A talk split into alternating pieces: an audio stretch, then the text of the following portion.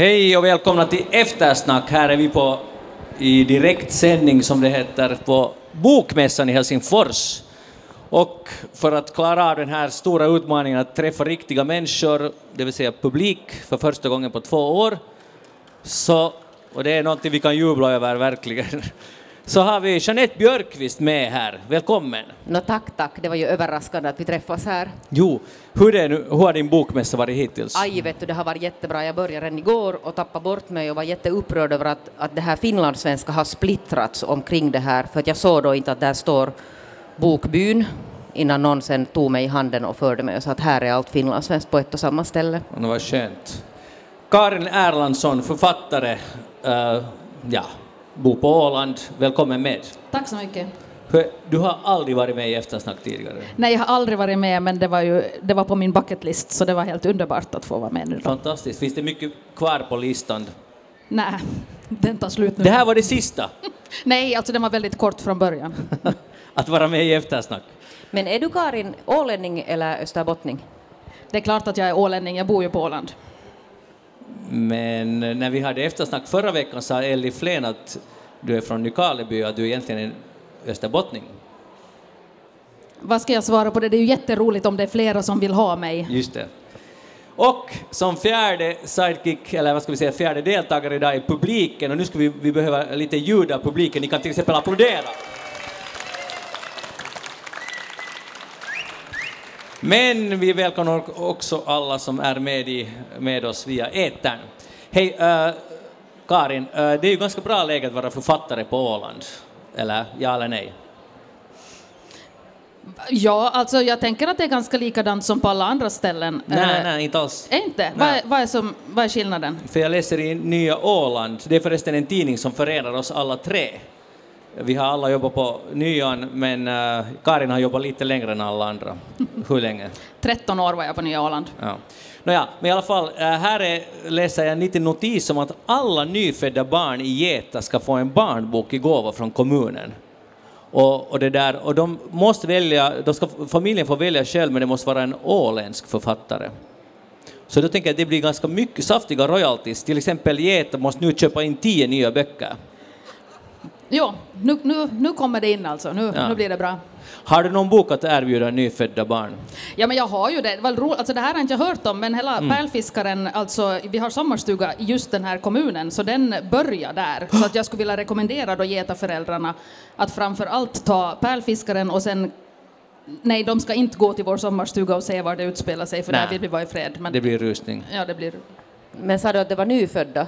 Ja. Men så nu är det ju så att man kan ju läsa alltså åt bebisar vad som helst bara man läser. Jag läste alltså åt min, min dotter eh, någon sån här Helsingfors och Nylands sjukvårdsdistrikts, någon sån här no, alltså någon slags sån här byråkratiska papper när hon var baby. Huvudsaken alltså att man producerar så pärlfiskaren är alldeles utmärkt. Sen tänker jag också att den har väldigt, alltså den har ganska tjocka pärmar och i en sån här ålder så handlar det ju framförallt om konsistens att tugga på, så att den är på det sättet också. Alltså det vad ni säger egentligen att böck, riktiga böcker är ganska onödiga, man kan bara ge någon byråkratisk lunta. Nej, utan när de är bebisar, sen blir det mera finess när de börjar ah. förstå vad det är man säger. Jag förstår. Bra, men i alla fall, uh, skulle det här kunna vara ett koncept man skulle importera till, till riket, som det heter? Att, tänk om Helsingfors skulle erbjuda en bok åt varje nyfödd helsingforsare. Så bra! Alltså, det är ju annars så snabbmatsrestauranger som brukar dela ut böcker, så jag tycker att den viljan skulle kunna synas från, från kommunen också. Mm. Vilken grej! Stämmer. Hej, den här veckan har ju varit Facebooks stora vecka, eller också föregående veckan för den delen. De har råkat ut för massiv kritik och lite sådär som polisen i vårt land gjorde när de blev eh, tagna för eh, att gå fram med lite osanning när det gällde Elokapinas demonstration vid Stadsrådsborgen och vips sydde ihop en presskonferens om gängbrottslighet för att avstyra uppmärksamheten, så det där gjorde Facebook på samma sätt. Det var, det var ju flera visselblåsare som har eh, vittnat både i Storbritannien och, och USA om att Facebook helt enkelt nog känner till mycket väl eh, om att de lever, deras business lever på hatprat och så vidare, på att splittra samhällen och så vidare. Men så släppte då chefen Mark Zuckerberg eh, ut nyheten om att Facebooks moderbolag ska heta Meta i framtiden. Men vid sidan om det, om det släppte de också ut en video som eh, gestaltar hur vår framtid kommer att se ut. Och jag har bett er titta på den här videon. Karin, vad fick du för vibrationer av vår framtid? Alltså det, den första reaktionen var att det är sällan man ser så här dåliga skådespelarprestationer nu för tiden. Alltså ni ska tänka er någon slags eh, liten lokalradiostations reklamjingel för någonting obskyrt. Det var, eh, det var lite pinsamt. Den, sen den andra saken var att alltså nu välkomnas allihopa till någon slags författarverklighet där man fantiserar ihop och lever mera i fantasin än i verkligheten. Och för det behöver man förstås köpa en massa grejer om jag nog förstår det rätt. Jo, all, all, all möjlig te teknisk apparatur som måste köpas, men sen och jag tror att den här framtiden kommer att komma, nämligen jag tror att, att om Facebook bestämmer någonting och de har ganska mycket muskler och de är ju inte ensamma om det här och det är möjligt att göra, alltså i, i grunden handlar det om att förstås virtuell verklighet, det är inte någon ny grej, men att vi ska kunna umgås med varandra oberoende var vi är. Så att vi skulle inte måste träffas här, det skulle inte alls vara nödvändigt med att träffa riktiga människor, utan man, man klär ut sig i en avatar och sen umgås vi med vem vi vill, var som helst. Och den där videon gav en intryck av ganska stressig framtid, tycker jag. Jeanette, du såg lite av den här jo, också. jag vet inte, alltså, jag såg faktiskt hela, jag fick ja. den här slutet för att jag hade lite bråttom idag, så Karin, alltså det där redogjorde för det, hon var Mark Zuckerberg och berätta vad som händer där. Alltså så att människor ska förstå vad det handlar om. Alltså det är en sån här 3D, alltså en sån här fantasivärld och där rör sig sådana här tredimensionella människor, alltså som ser ut som Mark Zuckerberg till exempel. Och sen uppenbarar det sig en annan Mark Zuckerberg och tittar så tittar han att vilka kläder skulle den här Mark nu ha på sig idag. Uh, eh, ganska förvirrande för en sån här lite traditionalistiskt lagd människa som mig. Men tror ni att, om vi funderar på det helt allvarligt, att uh, corona ledde ju på en jättekort tid till att distansmöte blev grejen och det hade funnits distansmöten redan i 10-15 år eh, utan någon hemskt stor succé, men sen plötsligt tvingades vi till det. Så tror ni inte att det kan inträffa någonting i, i framtiden som gör att det som vi nu lite skrattar åt och ironiserar över kommer att bli verklighet, bara det inträffar något som vi inte kan förutspå? No hej, vi har alltså ABBA som har lanserat sig själv på nytt, alltså i en version som de såg ut 1979 vad ska turnera Abbas, alltså den här Abba. nya Abbas äh, lansering och de alltså är ju som avatarer, alltså det vill säga de såg ut när de var no, 1979. Och det är ju alltså verklighet, jag är helt säker på att det är hitåt vi går. Finns det någon mervärde med att träffa människor på riktigt, så här att vi ser varandra, helst utan ansiktsmasker, men vi är inte riktigt där ännu. Men finns det någon mervärde i det, Karin? Ja, jag tycker att, att den här eh, tiden framför en skärm, det som försvann nästan först var, var äh, människors försonande drag.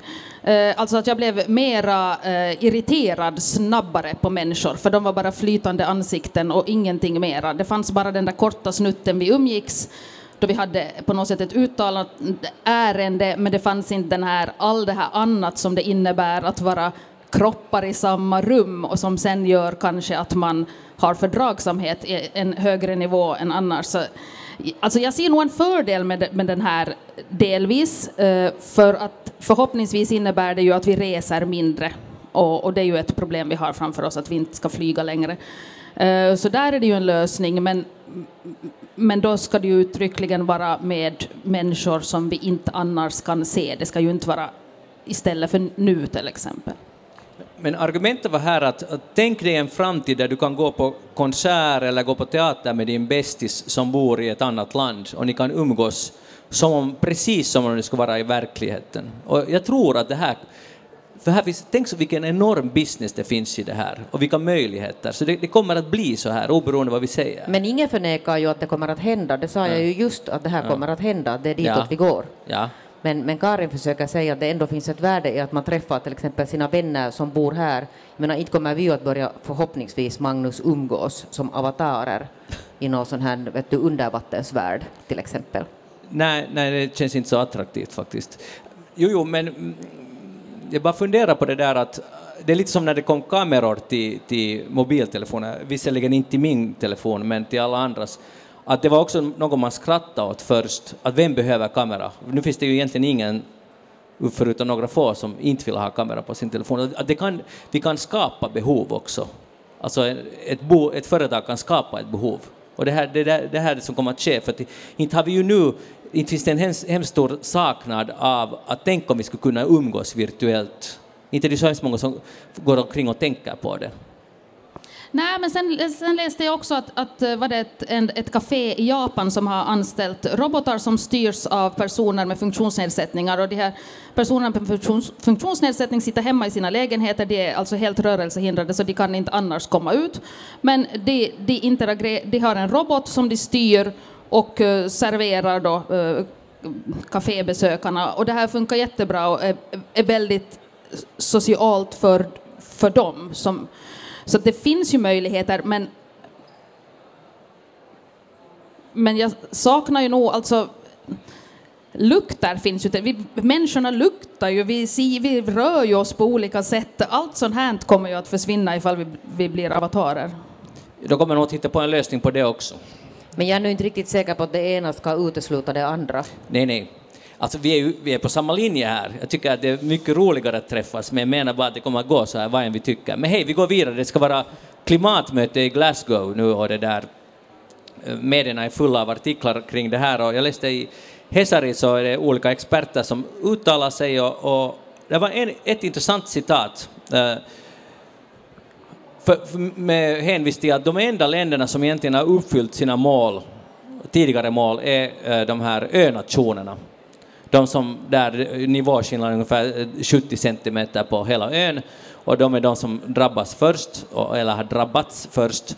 Och så säger den här experten att det känns absurt att trots att vi har en hög utbildningsgrad, alltså när det gäller Finland, så måste man fortfarande ha upplevt klimatkrisen konkret för att man ska vilja skrida till åtgärder. Alltså, helt klassiskt eh, mänskligt beteende, men bara på enorm makro, alltså verkligen makronivå att vi reagerar och gör någonting först när vi känner att det drabbar oss själva.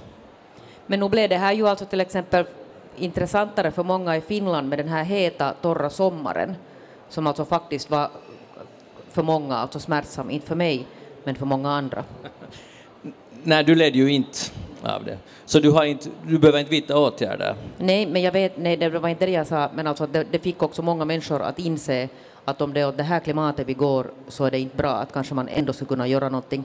Sen är det ju en annan fråga, att vad är man alltså sen på riktigt, alltså konkret eh, redo att göra?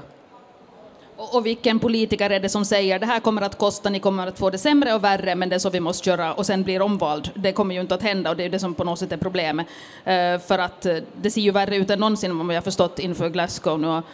Eh, jag ska till Nordiska rådet Eh, prisutdelning här i, i, början av nästa vecka och då man skulle boka sin resa så fanns det bara flygalternativ om man, sådär automatiskt. Om man åker tåg eller på något sätt försöker åka klimatvänligt så kommer man för sent och då får man fixa alltihopa själv. Eh, och Nordiska rådet har ju också förbundit sig, de ska ju också vara så här klimatvänliga, så det verkar vara väldigt svårt att sen komma till skott och ta det här att nej, nu, det, det är inte flyg som gäller, alla kommer lite senare, så blir det bara. Eh, men det är intressant alltså om vi tar Nordiska rådet, ja, bra att du sa, för att Norden ska ju bli den mest hållbara regionen i världen till år 2030. Och då kunde man ju tänka sig att man skulle börja med att åka tåg från Stockholm till Köpenhamn. Det är inte så där jättemycket krävt. Uh, och, och, det är just det där att den där bromsen i systemet, som, det är något som alltid har fascinerat mig, alltså i, i människan, för det, systemet består ju av människor. Så har ni någon analys på att det tar så lång tid att förändras i, i sådana här frågor? Vad, vad är det som, hur är det möjligt? Tänk på Nordiska rådet, de borde ju vara där, hej, man får bara delta, förutom om man bor på Island så måste man ta tåget. Men det där handlar ju också om att det är så bråttom. För det tar ju tid om man tar sig andra vägar och sen tycker människor att det är så bråttom att man har helt enkelt man har inte tid att ta sig tid för den där resan.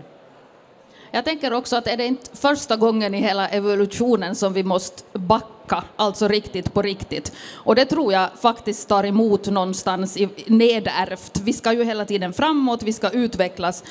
Men nej, det ska vi inte längre. Nu ska vi ta det bökigare, längre eh, alternativet. Och det, det, verkar nog vara väldigt svårt. Det kommer ju inte att bli bättre om vi allihop är avatarer sen, för då känner vi ju ingenting av, av eh, verkligheten, utan då kan vi ju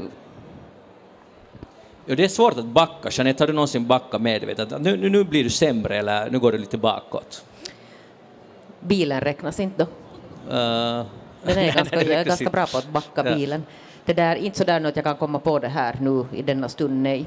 Men för, för när du Karin uttrycker det på det där sättet så för, plötsligt förstår jag det att det är ju inte, ligger inte i vår, vår natur att stiga åt sidan och börja backa. Så det är kanske det som är problemet, både i Nordiska rådet och här. Men alltså bromsa åtminstone. Bromsa skulle vara bra. Hey, men alltså jag tycker vi ska, vad har ni för förhållande till påven? Tycker ni att... Sa du Polen eller Nej, påven? nej, no, vi kan ta Polen senare, men på vän nu. Nå det där, vi känner nog inte varandra. Nej, och Karin? Eh, jag är skräckblandad förtjusning eh, betraktar jag hela det här katolska systemet. Eh, påven varierar ju lite också vad jag tycker om den som har det ämbetet. Jag tänkte nu på den nuvarande påven, inte på ämbetet. För att han säger så här, när det gäller just klimatkrisen, det var meningen att han skulle åka till Glasgow, men, men nu verkar det som om han har skickat ett meddelande istället. Och i den här videon säger han att vi kan bemöta eh, kriserna, alltså den den nuvarande klimatkrisen och covidkrisen och så vidare, genom isolationism och, och exploatering. Eller så kan vi i kriserna se en chans till riktig förändring. Vi kan konvertera, men i, inte i spirituell mening. Och det tycker jag, att igen så levererar påven, alltså han är ju den som levererar de här one-liners för vår tid. Och jag trodde aldrig jag skulle säga det här, men jag har sagt det nu många gånger i eftersnack, att det är därifrån de där sanningarna kommer. Eller för mig. Men alltså, hur ja. förstår du det där? Jag förstår att nu, nu måste vi, vi, vi, vi måste backa och vi måste bli, eh, vi ska inte isolera oss och vi ska lösa problemet tillsammans. Så din relation till den här påven är då ganska nära? Ja, den är ganska nära och ganska god faktiskt. Man borde ha honom som sidekick här någon gång. Det skulle vara ganska Det coolt. kanske är på hans bucketlist också. No, det är helt Jag säkert. Helt säkert. Uh, hej, vi, vi går det där vidare. I, på tal om böcker så i USA läste jag en lång artikel i tidskriften Slate där, där man har kunnat konstatera att alla människor vill läsa böcker om träd just nu.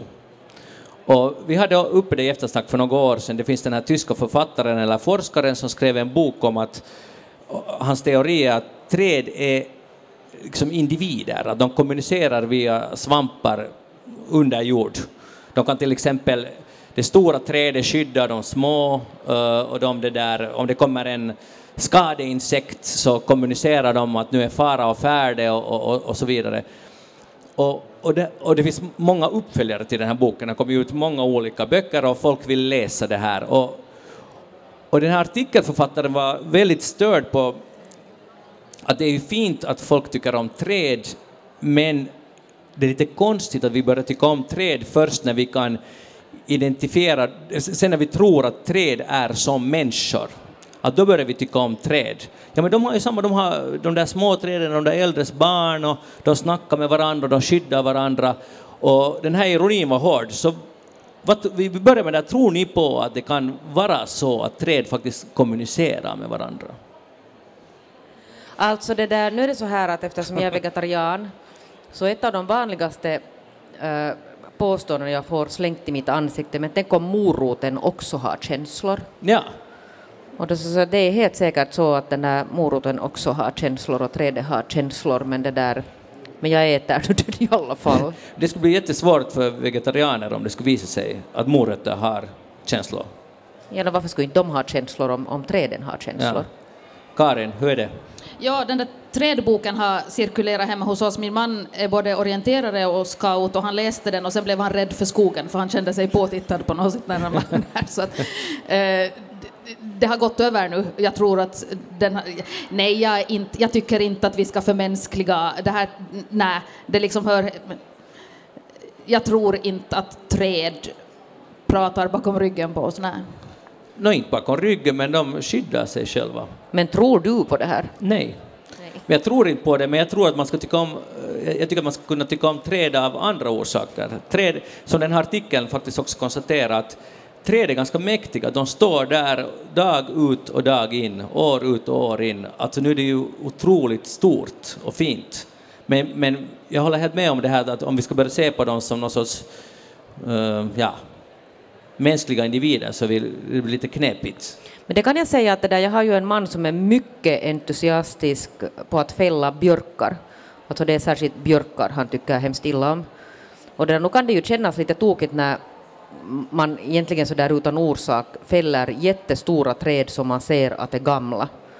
Så, så det känns ju kanske inte helt alltid bra. Det är inte bara det att det är en björk som jag på något sätt tar personligt utan så där överlag, alltså att, att såga ner träd mm. som har kämpat där i tiotals år. Absolut. Men det är ju också det här att människan har ju jättestarka känslor till träd, alltså det finns vårdträd och människor demonstrerar för att gamla almar ska behållas och, och så här, så kanske det är någon slags också vi vill att kärleken ska vara besvarad grej. Mm. Tror du, den är, jag menar om jag skulle vara ett träd och, och kunna kommunicera via underjorden så skulle jag nog skicka ett meddelande till människorna att, att det går inte så bra nu, att ni är inte så hyggliga. Men det var ju nu uh, Forststyrelsen, alltså i Finland är ju många områden som kalhuggs och så blir det liksom monokultur sen. Och, och det här skulle jag som träd kommunicera ganska tydligt till människor, om, om jag skulle kunna som träd. Men vad skulle du göra då? Du skulle alltså ta med rötterna över människors hus? Mm, ja, en tyst demonstration skulle vara helt bra. Det är ju inte o, omöjligt att så kommer att ske. Jag tycker att det här är en jättekonstig diskussion. Ja, det är det. Kan det, vi gå det, det, är för det är eftersnack. Det där, hej, vi ska ju tala om skrivande eftersom det är på Bokmässan och um, Karin, eller vi är ju alla tre journalister sådär i grunden. Kan man se, kalla dig journalist från början? Nej, från början är jag litteraturvetare, men nu tänker jag ju ändå på något sätt att de här åren som journalist lärde mig någonting, hoppas jag. Ja. Nå, jag har, du har skrivit eh, en bok om hur det alla orden i mig och hur det är att skriva och det där. Sen, jag har ett sånt citat som jag har snappat upp där du skriver så här. Jag brukar räkna ut exakt hur många ord per dag jag måste skriva för att få texten klar enligt den tidtabell jag har. När jag skrev Minkrike skrev jag tusen ord per dag. I höst har jag skrivit 500 ord. 500 ord tar en kvart, inte mer än så under den här stipendieperioden skriver jag 4 000 ord om dagen. Så det är ganska ovanlig inställning tror jag som författare att bara bestämma att en tidtabell, jag skriver 4 000 ord idag. Alltså, hur gör du riktigt för att lyckas med det här? Jag börjar och så fortsätter jag. Alltså något svårare än så är det ju inte. Eh, de här åren som journalist har ju lärt mig att det är jag som ska skriva, ingen annan som gör det. Gör inte jag det så är sidan tom imorgon. Eh, och det är nog jättebra att ha med sig då man ska skriva en bok för att det behövs jättemånga ord i en bok och det är jag som ska skriva dem. Blir det aldrig svårt? Nej. Det är bara att skriva på? Alltså det blir ju jättedåligt, det är ju inte så. Men i alla fall har jag den där bulken, den där massan efter det här intensiva. Eh, och sen kan jag gå, eh, jag tänker så här att det, det, är ganska svårt att skapa en hel värld, men det är ganska enkelt att måla om en dörr. Så det där första skedet, att skapa världen, det är intensivt, men sen går jag tillbaka och fixar om alltihopa och då, det, och då är jag väldigt glad att jag har någon slags, eh, någonting att utgå från helt enkelt. Jeanette, kan du känna igen det här sättet att skriva? Det där, nu har jag ju skrivit alltså en bok och det råkar sig så av omständigheter som vi inte ska gå in på att vi hade jättekort tid, alltså det var ungefär tre månader tid att skriva den här boken. Och sen frågade jag, det första jag frågade av den här förläggaren att hur många tecken ska det finnas i en bok, för att jag var nog räkna alltså allting i tecken. En sån här ensides grej i huset är ungefär mellan 3500 och 4000 tecken. Och sen sa de några sådana hisnande mängder tecken och jag tänkte att herregud, ska jag skriva allt det här? Men sen var det bara alltså att sätta igång och nu är det ju som Karin säger att har man den där på något sätt den där vanan att, att nu är det bara liksom att, att tuta och köra så nu, nu gör man ju det. Ibland upplever jag att det finns en sån här bild av författaryrket att det ska vara lite tungt, att det ska vara liksom plågsamt att få ut de där orden. Känner, ni, känner du Karin igen dig i den beskrivningen? Jag känner igen mig i den där bilden för det här att komma och säga att jag har kul hela tiden. Verkligen, ibland kanske det är lite svårt, men nej. Det är nog bara så himla, himla roligt att skriva. Det, det gör att jag blir lite simpel på något sätt. Jag borde sitta och, och kämpa mera. Ja. Så är det. Det borde vara mycket djupare än det där. Så mycket djupare ifall jag skulle sitta och pilla med ett kommatecken en månad. Ja. Men alltså jag tycker det är jättefräscht att du säger sådär. Jag, jag, jag tycker att det är otroligt befriande och det skulle vara roligt om flera skulle säga sådär. För, för nu finns det någon sorts aura kring yrket om att det ska vara Alltså om jag får faktiskt säga det så förstår jag inte varför man blir författare ifall man tycker det är jättetråkigt att skriva eller tungt. Ja, liksom, men varför gör ni det då? Inte måste man ju skriva för att vara lycklig. Liksom. Nej, men många säger att, att ja, man måste skriva. Du tror inte på det? Nej, men det måste ju stå för dem, men jag tycker i så fall det var väldigt tråkigt om det är så tungt. Men Magnus, Ja. den här Ja. din färska bok, så den kom ju inte till helt så där i samma takt som Karin Erlandsson skriver. Nej, det har jag inte sagt heller. Berätta lite om det.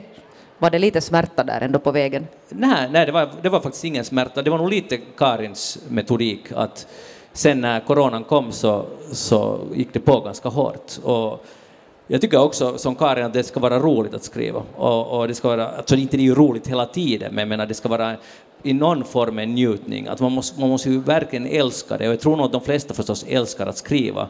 Men det finns en sån där bild av att det ska också vara lite plågsamt. Och det, det kan jag inte alls känna igen mig i. Och jag tycker det är helt som Karin, att det, är lite synd om det är så, att man har valt ett plågsamt yrke. Ja, men jag kan nu säga att det där när jag skriver reportage, vilket jag då gör mycket mer än vad jag skriver böcker, så det är nog en enda alltså uppförbacke och mycket smärta och det där ångest och begravningsmusik hela tiden. Så jag tror inte att man kan skriva bra om inte man lider samtidigt.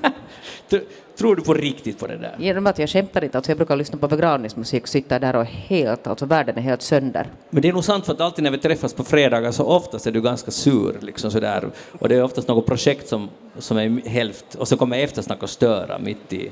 Är det inte lite så? Nej, det är det inte alls, nu ljuger du. Vi tar det efter sändningen det här. Okej, no, men så en av oss har smärta, två har inte, det är skönt. Men, men det där, uh, Karin, du kommer just nu ut med en ny, eller den har typ nu kommit ut, Hem heter den. Jo, det är så att, att eh, det är pappersbrist i världen så att jag var nära att vara utan bok på bokmässa men, men Schildt Söderströms har tryckt upp en, en upplaga på 200 ex med, med tunnare, alltså så här pocketupplaga egentligen. För Jaha. att den skulle ändå finnas här, att inte jag skulle stå här med ett vykort. Så att den här eh, pappersbristen är, är drabbande faktiskt. Wow, det var ju dramatiskt. Men det är ju de där känsliga träden nu då. No, det är just, Som måste och det har jag avverkas. funderat på, hur många träd gör en författare av med under en livstid? Ja. Det har jag undrat över. Borde jag på något sätt klimatkompensera? Och vad skulle påven säga? Men har ni undrat det är alltså de här som läser de här tre böckerna som är gjorda av papper? Där trädet har fått lägga livet till. Ja, vad sa du? Men de ska ju tryckas de här tre böckerna Ja. som de läser. Ja, de böckerna, det är, det är en paradox. Det är mycket som mänskligheten gör, en stor paradox. Jeanette Björkis, vad har du tänkt på den här veckan? Nå hör du, det var så att det där, vi lever ju alltså hemma i en sån här tvåspråkig vardag där alltså vi talar svenska hemma alla och sen är min man egentligen finskspråkig så han talar finska och har talat finska alltså till mitt barn. Hon fyllde just tio hela hennes liv och det där. Och det är ganska uppenbart att svenskan är ju nu ändå hennes starka språk. Men nu har hon börjat försöka sig eller jag säger inte nu, utan hon har nog försökt sig länge på det här med finska, men det blir ju inte alltid så bra. Eller rätt ska vi säga. Så i veckan så till exempel så kom hon inspringande i vardagsrummet och så frågade hon att iska, että missä se butiikkipåsi on? Och det här tyckte jag att var så ljuvligt för att han började igen skratta. Hon gör alltså hemskt ofta så här att hon förfinskar alltså svenska ord för att hon helt enkelt alltså inte orkar tänka efter att vad är det på finska. Så som sig bör så slog jag genast ut det här som en statusuppdatering på Mark Zuckerbergs nuvarande Facebook. Och det ledde sen till alltså en underbar sån här tråd där människor alltså delar med sig, sån här motsvarande eh, vet ni, eh, tokigheter som tvåspråkiga barn säger, alltså svenska barn som talar finska hemma och så blir det så där. Det var någon som hade att, att den här barnen hade frågat efter en, eller sagt någonting om humalainen, alltså fyllo på finska, men mena en humla. Förstår ni, en massa sådana. Och jag är själv alltså helt extremt avundsjuk på, på människor som på något sätt har fått uh, det andra språket hemifrån. Jag önskar att jag skulle ha fått finskan hemifrån. Också alltså i den här formen nu som, som, som min dotter har den. Jag menar, den finns ju alltså passivt där någonstans i alla fall. Och tänkte på det här att hur viktigt det är att, att fast det blir tokigt och fast man inte riktigt alltid vet så borde man ju bara på något sätt lära sig att, att producera. Och om det här hade den här Rosa Meriläinen från Tammerfors och skriver en kolumn i Helsingin Sanomat här i veckan där hon på något sätt var så där att, att det är ju bara att, att det är ju inte så noga Att nu ska man på den här skolsvenskan så, så bara helt enkelt våga prata och inte bry sig så mycket om om det blir fel. Och, och, där är ju den här Micke Björklund från, från Åland ett strålande exempel, att han bara pratar på på finska och sen blir det rätt eller sen blir det inte rätt, men, men han är glad ändå. Och på något sätt det här att vi skulle sluta nu fastna så mycket vid sån här grammatik och, och ha liksom överseende över det att, att människor kanske gör tokigheter. Butik i påsi. Då blir det kanske sen någon gång rätt. Det blir det antagligen. Jag menar, hon har ganska goda förutsättningar ändå om hon har en finskspråkig far. Men på Åland så är det ju lite annat med det finska språket. Det där, hur, är det något ni funderar på? För här är det många som får det så, så att säga halvautomatiskt. Alltså nu närmar du dig i farliga områden. Ja. Nu måste jag vakta min tunga så att jag inte blir utkastad över kanten när jag kommer tillbaka. Men, uh, nej, alltså finska är ju inte någonting som vi funderar mycket på på Åland, utom när inte det svaras på svenska när landskapsregeringen begär papper och intyg från stadskansliet. Så att uh, uh, det är lite svårt att motivera sina barn att börja läsa finska tidigt. Nej men alltså, du, jag har ju ingen relation till finska, det är ju därför jag bor på Åland. jag förstår. Men alltså, eh, uppdatera mig, är det så att måste man läsa finska i skolorna? Nu ska vi se, man börjar läsa engelska i trean och sen tror jag finska från femman. Obligatoriskt? Alltså i något skede blir det i alla fall valbart. Det vet jag, för det här har vi kraftiga diskussioner om. Att det liksom är det finska eller är det tyska eller franska eh, sådär. Mm. No, vilken profil har ni valt? Att har ni försökt övertala, ni har barn, ja, har ni försökt övertala barnen att, att det skulle nog vara bra att läsa finska fast ni nu aldrig hör finska här, i, förutom på turistsäsongen? Ja, det är det argumentet vi använder. Vi använder sommarjobbsmöjligheten så att våra barn ska ska läsa finska. Eh, för jag minns när jag då jobbade den där glorious sommaren på Nyan, och jag, min finska är nu inte den bästa, men så, då var jag plötsligt en, en stor expert. Och alla ärenden som hade med rika att göra skulle jag fixa. Och, för man måste ringa in ganska ofta till myndigheter. Och det, det, det var eh, trevligt att känna sig liksom som en mästare, för en gångs skull, för något man inte är mästare på. Du måste ju också, Jeanette, ha upplevt det här samma sak. Ja, så var det, men jag undrar att hur tog det här rikets representanter emot då? Var de på något sätt sådär positiva att nu ringer någon från Åland och försöker sig på finska? Ja, det var, det var inga problem, inte var det något problem alls. Så att det antyder just den här saken som du tog upp, att, att man måste bara prata på. Men vi hade alltså i tiden på, på, på Husis då, förra varvet när jag jobbade där, en underbar reporter från Österbotten som inte kunde alltså finska egentligen alls. Och han ringde och han ställde alltså sådana här beslutsfattare mot väggen på alltså otroligt dålig finska. Och på något sätt, och sen förstod han inte alltid heller riktigt vad de svarade. Men det fanns alltså sen på band, och det blev alltså jättebra grejer för att, att han var så avväpnande i sin usla finska att de på något sätt, och sen måste de ju förenkla sitt språk för att han skulle få något grepp överhuvudtaget. Och det var också ett typiskt exempel att man ska inte alltså bry sig om det, om det blir tokigt. Nej, det är underbart att, att, för det är någonting i vår språkundervisning, som, eller någonting i vår mentalitet som gör att uh, man ska inte helst säga fel oberoende av vilket språk. Jag menar, någon skäms för sin engelska, någon skäms för sin svenska, någon skäms för sin finska. Det finns en otrolig skam där bakom. Och det är ju det, det största problemet. Det är inte att språkkunskapen i sig, utan det är skammen. Och då, eller liksom, ja, jag skulle kalla det skam. Och det skulle vara intressant att komma åt. Vad bottnar den egentligen i? Har ni någon teori? Jag vet inte om jag har någon teori, men jag skulle säga att det är ju egentligen som den där en lyssnare skrev också där på, vår, eller på min lyssnare, alltså det var ju faktiskt en cover, för det var min egen en status, hon skrev att det är ju ingen skillnad om det är en eller ett öl, bara den är kall. Så är det.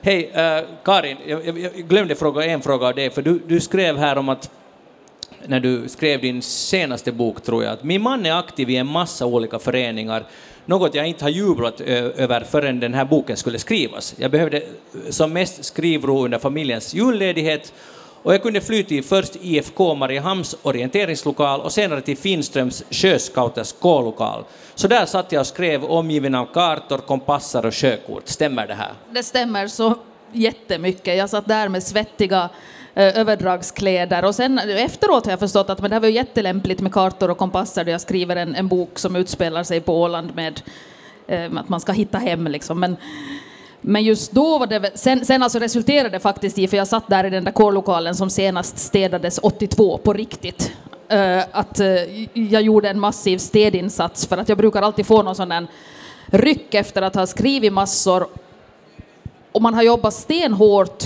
men rent i världen så tar ord, alltså det är ju millimeter, man har, det, det, det är ju ingenting. Det syns inte i världen i fysisk form mycket fast man har skrivit, så jag brukar alltid få någon sån här sted eh, iver. Och då städade jag hela den där kårlokalen sen i januari. Vill du komma hem till oss och skriva någon gång? Det där är en bra businessidé, Jeanette, man skickar Karin liksom ut, erbjudit skrivutrymme åt Karin och ni får en städad, ett städat hem. Men jag är lite bekymrad för när du sa det här, och det var har passerat obemärkt, men jag har nu naturligtvis noterat det, du säger min man är aktiv i en massa olika föreningar, något jag inte jublat över. Och vad är det för fel på att han är aktiv i en massa föreningar? Jag börjar tycka om din man, det är ju jättepositivt. Kan du nu förklara det här? Uh, nej men Ja, no, nu, ska vi, eh, nu ska vi göra det här. Nej, för nu ska jag på styrelsemöte. Nu ska vi göra det här. Nu har jag 15 scouter som ska ut i skogen och ja, övernatta. Precis. Vill du gifta dig med honom? Vad sa du? Vill du gifta dig med honom? Nej, no, inte det nu.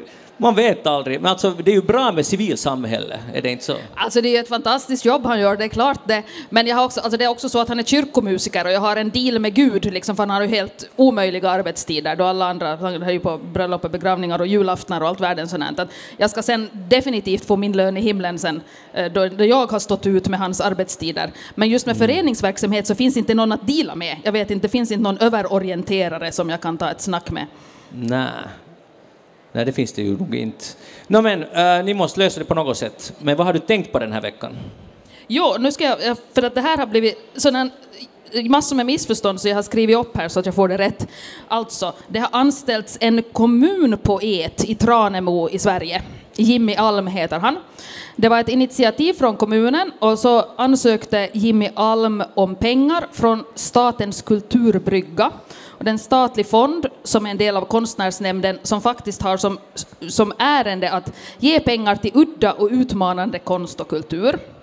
Och det här, det här var ju jättebra. Men sen fick det ju någonstans snett så att eh, det blev ett missförstånd om man trodde att det är kommunen som har anställt en poet. Och vad ska vi nu, hur ska det, pengarna räcker ju inte till sjukvård och nu ska det börja skrivas dikt med våra pengar. Så att eh, den här diskussionen har varit vild. Det har förstås kommit in eh, rasistiska drag i den. Eh, och jag har tänkt att, att vad roligt att poesi fortfarande betyder. Att det berör. Han här, den här Jimmy Alm, kommunpoeten, nu ska skriva en dikt om dagen i ett år om kommunen. Så att eh, då DN eh, besökte honom så var han i ett stall och betraktade hästarna och så skulle han skriva en dikt om det sen eh, och, så, det har varit krismöten kring den här, men samtidigt verkar han, den här poeten vara väldigt, alltså han verkar ha väldigt rätt inställning, för han, han, han sa att han vill hellre balansera på gränsen till det banala än det obegripliga. Och det tyckte jag var ett väldigt bra uttalande från en kommunpoet. Och med den här farten så kommer ju det har ju märkts att han finns i kommunen. Kommuninvånarna kommer att läsa poesi på ett sätt som handlar om dem själva. Eh, jag tycker, jag tycker det här är en helt fantastisk sak. Men var publicerar han sig? På deras någon hemsida? Ja, vad jag förstod så var en ganska stor del av den här summan som de fick sen eh, var just eh, publiceringsmöjligheterna, att var det ska det vet jag inte riktigt, men, men det ska ju på något sätt offentliggöras. Men uh, hur var det nu med, alltså det kanske jag inte uppfattade, men hur var det med betalningen? Alltså, hur var det Han får sin ettårslön från det här statliga, uh, Statens kulturbrygga, som en statlig fond. Och han skulle leverera, hur ofta var det? En per... En dikt per dag. En dikt per dag? Yes. Det är lite liksom din skola, att man måste liksom leverera. Ja. Ja, det, det är jättebra. Men varför blir det krismöten om det här? För att eh, hur kan man slänga pengar på poesi när våra stackars barn inte är i stora, barn, alltså de är i stora barngrupper eller det räcker inte till sjukvård. Alltså, man trodde att det var kommunens pengar och att, att nu blir det sämre för kommunen för att någon tönt ska springa omkring och skriva poesi. Men blev det bättre när man fick veta att det var inte kommunens pengar? Att barnen har fortfarande inga pengar för att få mindre grupper? Det, alltså, alla, alltså, alla redovisningar för diskussioner tar ju slut sen när man inser att det är ett missförstånd. Men, men till exempel Twitter, det var väldigt många som förstås eh, snabbt uttryckte sin eh, ilska över detta i hela Sverige, Aftonbladet, så här att det, det var mycket irriterande. Jag tycker det är en ganska fräsch idé. Alltså faktiskt, den är lite... Eh, den är inte riktigt tidstypisk på något sätt. Att en poet... och, uh, ja, nej, det är ett ganska ovanligt koncept, men det borde man också importera till Finland. Och här har vi ju fonder, så det skulle inte vara ett problem. Tror du verkligen man skulle kunna... Ja, jag vill nu bli um, Pargas poet och jag vill skriva en dikt per dag. Tror du att man skulle få stålar för det här? Och Svenska kulturfonden har ju nu i november sin runda, så att det är nog bara till Jeanette, ska du söka? Nej, men jag tänkte genast när du sa det här Pargas poet att jag, jag på något sätt känner nu att någon sov föddes där i ditt huvud. Exakt. Det är lite som, jag, jag tycker det här, det här är strålande. Nytänk behövs och, och det där, ofta kommer sådana idéer från Sverige, det är ju det. Men, men det där, kanske det lyckas. Hej, jag läste en gammal Apu, eller en månad gammal, och här är en kolumn av Kari Väänänen, äh, ehm, skådespelare. Och han, han är där är, är lite bekymrad för att folk vill inte bli gamla. Har ni hört om det? Att man inte, det är inte så trevligt att bli äldre och det där och han är småsur eller ganska ordentligt sur på det här för att han tycker det är alldeles okej okay att bli äldre och han berättar om sina ryn, eller om rynkor. Jag tycker att rynkor är vackra. Det, de är medaljer som livet beviljat mig och, och som man ska bära med stolthet. Vad säger ni åt Kari Väänänen? Är ni av samma åsikt? No, han är nu man, så han har lite enklare att bära sina rynkor med stolthet än kvinnor. Är det så? så? Är det. så är det. Men vem har bestämt det? Ja, det undrar jag också. men det är ju lite det här med att vill inte bli äldre, men det finns nog inte så hemskt många alternativ att, att alla blir äldre, det är naturens gång och sen dör man ja. faktiskt. Eh, jag tror inte han, eh, han håller nog med om det, men han, han poängterar att alla försöker vrida klockan tillbaka. Men det är ju alldeles riktigt, det är ju bara att öppna vilken som helst kvällstidning eller damtidning eller varför inte alltså av de här kafé och vad det nu finns för, för karrar. Där det finns alltså, det är krämer och det är operationer och det är vet du, face yoga för att bli av med, med det här hänget som brukar komma där någon gång efter 40 senast. Mm. Jag tänker också på eh, Vänners återförening här nu då, där, där det stora snackisen efteråt blev hur eh, opererade eh, ansikten allihopa har. Och det måste de ju givetvis få göra som de själva vill, men det blir samtidigt lite svårare för oss andra som inte gör det, för att det är nu så här man ser ut och ifall vi blir färre och färre som ser ut som man ser ut så blir det också underligare. Det blir någon slags eh, grupptryck. Men det där, det som ju saknas, som man har talat ganska mycket om, är just det här, och kanske äldre män syns i filmer och så här, men det har talats ganska mycket om det, det saknas alltså roller där, där på riktigt alltså åldrande kvinnor syns. Att, att sen när man, när man föreställer vara lite äldre i en film så är det någon här superopererade eller stylade alltså kvinnor som på riktigt alltså inte motsvarar hur en vanlig kvinna åldras till exempel. Och det verkar ju finnas någon slags sån här brytningsskede, att man faktiskt försöker ge roller åt kvinnor som ser ut som riktiga kvinnor gör. För att, för att de flesta av oss åldras ganska så där på samma sätt. Mm.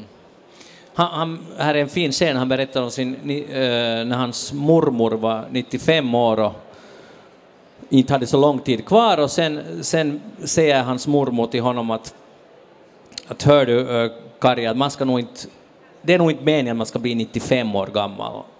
Och så svarar han att, de menar att mormor, att du borde ju ha eh, supit hela livet och rökt så skulle du inte ha levat så här länge. Och sen får hon en fnitterattack av det här och hennes rynkor blir så vackra, han skriver det mycket poetiskt det här, de blir så vackra att hon ser ut som en liten flicka i den där skrattet för hon tycker att det var han sa var så roligt. Och då fortsätter han alltså han, sin hyllning, och det här gäller dock kvinnor, det var en 95-årig kvinna, hyllning till rynkorna. Köper ni det här? Det brukar bli så att man hyllar de här rynkorna ju äldre man själv blir. Ah, det hänger ihop med det. Ja, Så Karin. jag hyllar ju förstås rynkor. Jag tycker det har, alltså, eh, min mamma börjar allt mer likna sin, eh, min mormor. Jag börjar allt mer likna min eh, eh, mamma. Eh, summan av hur kvinnorna i vår släkt ser ut är konstant på något sätt. Vi, det finns alltid någon som ser ut. Och det här tycker jag det är ju jättevackert. Eh, att vi börjar likna varandra mer och mer.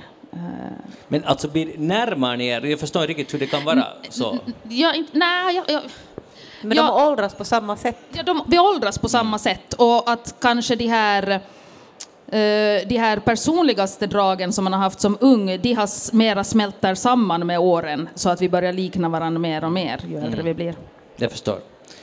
Eh, det är ju roligt, som vi talade om, det, att det är roligt att träffas igen och, och att umgås och som sagt kanske vi snart slipper ansiktsskydden helt och hållet. Och, men nu, nu har jag läst i New York Times att, att det finns en sån här, alla folk är inte redo att träffas igen. Att man, man har liksom någon form av social fobi. Och nu är det på något sätt bevisat att den vanligaste ursäkten till att man inte kommer på sin dejt eller man, man det där, kommer inte på det där mötet eller man går inte på teater med kompisarna som man hade tänkt är att man samma dag ringer in och säger att tyvärr att jag har blivit exponerad för corona. Och det här är en, liksom en ursäkt som funkar i alla väder, för att ingen ifrågasätter den och ingen vill ifrågasätta den, utan det är helt okej. Och de har intervjuat många, många människor som säger att det här är den enda ursäkten man idag kan använda för att tacka nej till, en, till, en, till ett, event, ett evenemang.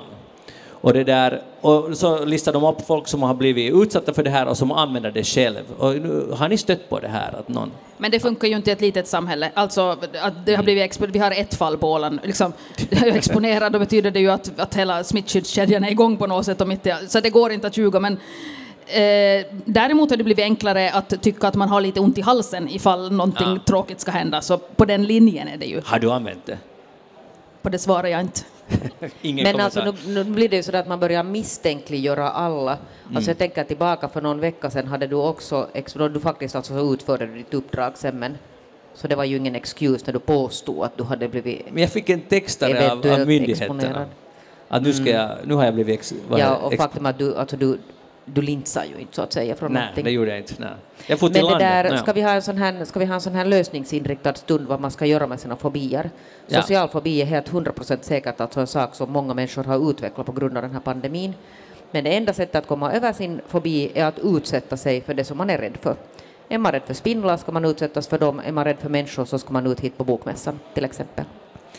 Vitsen, det skulle nog vara bra om det skulle vara så där lätt, men, men jag håller nog med dig. Men att det där, eh, tror ni att det kommer att vara ett problem, eller är det här bara en övergående, ett övergående fenomen? Att, att slipper vi det här inom, låt oss säga, några månader? Är det möjligt? Alltså det att folk är lite obekväma att umgås med. Alltså man, man träffar ju fortfarande människor som um, tar lite distans, alltså fysiskt när man träffar, de tar ett steg bakåt. Och det är ju, helt, det är ju var och ens rätt, men det gjorde vi inte förut.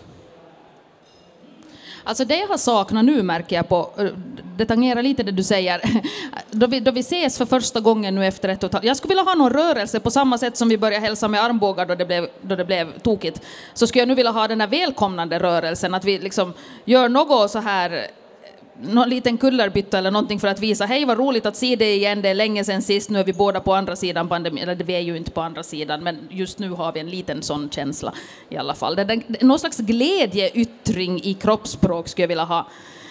Eh, sen vet jag inte om det... Alltså, jag, jag upplever själv att det fanns en hel del åtaganden som nu då nollställdes, där jag får lite chans att fundera vad vill jag plocka upp på nytt. Att det kanske inte behöver nödvändigtvis återgå till 100 procent som det var förr heller. Tror du, Jeanette, att, att eh, det här kommer att försvinna? Det här är ett övergående problem. Det där, säkert alltså för, för den stora majoriteten, men jag är helt säker på att det finns människor som har fått bestående problem med sina sociala relationer, som de sen får välja att jobbar de med det eller, eller isolerar man sig. Människan mår inte bra av ensamhet. Så det skulle nog vara bra att på något sätt försöka klamra sig upp ur, eller ut ur sin grotta. Kanske man inte behöver komma till bokmässan genast, men gå nu fast i butiken lite modigare. Jag är bekymrad för alla begravningar som inte har kunnat ske, för att begravningar är en så viktig ritual. Eh, och att, att kunna ha deltagit bara via en skärm är inte samma, så jag tror att det finns också en massa uppdämd sorg som inte har fått kanaliseras, som kanske nu då, då vi lite börjar vara lugnare kommer också att synas på ett eh, tungt sätt för många. Att delta i en begravning på distans, alltså via någon sorts skärm, det är nog djävulens påfund. Alltså, men det, det, det är ju helt hemskt, det är, det är ju bara tragiskt. Alltså jag förstår ju varför det är så, men att, att det, måste, det är ju det första vi måste komma bort från. Ja, men det värsta, så, alltså, jag vet inte det värsta, men en av de fruktansvärda saker som hände var ju att man där någon gång i pandemins alltså initialskede, förbjöd människor att sitta bredvid sin anhöriga på palliativ vård. Och det är saker som man inte får tillbaka mera. Om din anhöriga har dött ensam, så det, det, det är förbi, det är förstört och det är trauma man sen får bära med sig hela livet. Och då kan man ju nog fråga sig, alltså det gjordes många konstiga saker då i början, men vem var det man skyddade då? Det kan ju inte ha varit den döende. Nej, men det var ett teknokratiskt sätt att se på det hela och där liksom allt det där humana var, var bort, som bortblåst. Och, och jag hoppas att sen någon gång när man förhoppningsvis gör den här stora utredningen om hur skötte vi pandemin, så det finns många saker som sköttes bra och korrekt och den här saken sköttes liksom katastrofalt dåligt. Att det måste utvärderas och, och, det måste komma fram till en rekommendation att nästa gång om det blir en sån, kan vi inte göra på det här sättet. För det är ju, det är ju nästan ett brott mot mänskligheten, eller i alla fall på mikronivå mot, mäns, mot människan. Det är helt, helt horribelt. Men vi ska gå över till en lite lättsammare sak. Jeanette, du anser ju att du är ganska bra att köra, eller hur? Vad då anser? Ja, du anses vara bra att köra. Ja, det är nog helt objek själv. objektivt. Några andra har också sagt det. Okej. Karin, kör du bil? Jag kör bil. Okej. Nå, hur är det när ni Kör kör? du bra? Det tycker jag själv, men alltid när min bror ska åka med mig säger han vi tar min bil. Ah, så att Men- han kan köra.